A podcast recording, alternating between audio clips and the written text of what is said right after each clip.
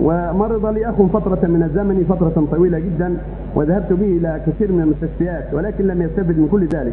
وبعد ذلك قالوا إن عنده بعض سحر فذهبت به إلى شخص يدعي أنه يعالج آه، مرض السحر وعالجه بطرق غريبة حسب طرقهم الخاصة والمعروفة للجميع.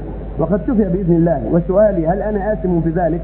نعم إذا كان معروف أنه يتعاطى السحر أو علم الغيب أنت آثم. فعليك التوبة إلى الله والرجوع وعدم العود وإن كان إذا تعاطى يتعاطى العلم بالقراءه وليس مباحة لا بالسحر ولا بخدمه الشياطين ولا بعد علم الغيب فلا فلا بأس.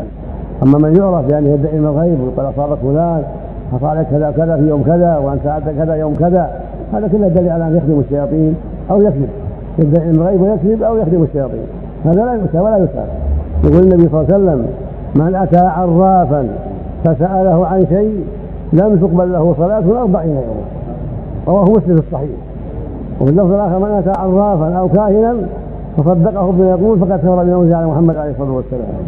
رواه أهل السنة بإسناد جيد.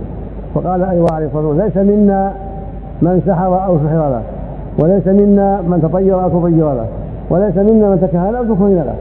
ولا يجوز المسلم أن يتى هؤلاء. قد يشفى المرض لاسباب كثيرة وقد لا يشفى ليس كل مريض يشفى وليس كل مرض له دواء يشفى منه. قد يعالج له دواء لكن لا ما تم ما قدر الله له الشفاء لأن الحكمه المدة قد تمت والاجل قد حضر. فالأدوية مشروطة بعدم وجود الاجل أما إذا جاء الاجل ما تنفع الأدوية. أي. لا شاء الله. وفق الله الجميع وفق الله الجميع وقد سمعنا جميعا المحاضرة القيمة التي تفضل بها